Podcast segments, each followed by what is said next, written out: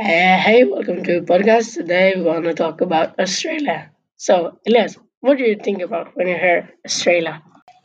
I think about laser beam. Who or what is laser? Laserbeam is a YouTuber from Australia. His name is Lennon Eka. He is 25 years old and he makes uh, gaming and reacting videos. So, Sydney, what do you think about when you hear Australia?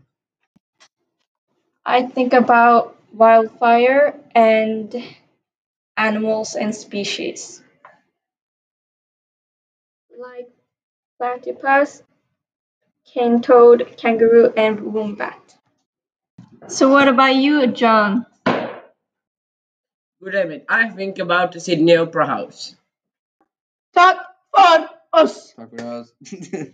Du måste säga tack för oss. Right, right, right. Ja, Ah, Sydney. Säg tack för oss. Thank you.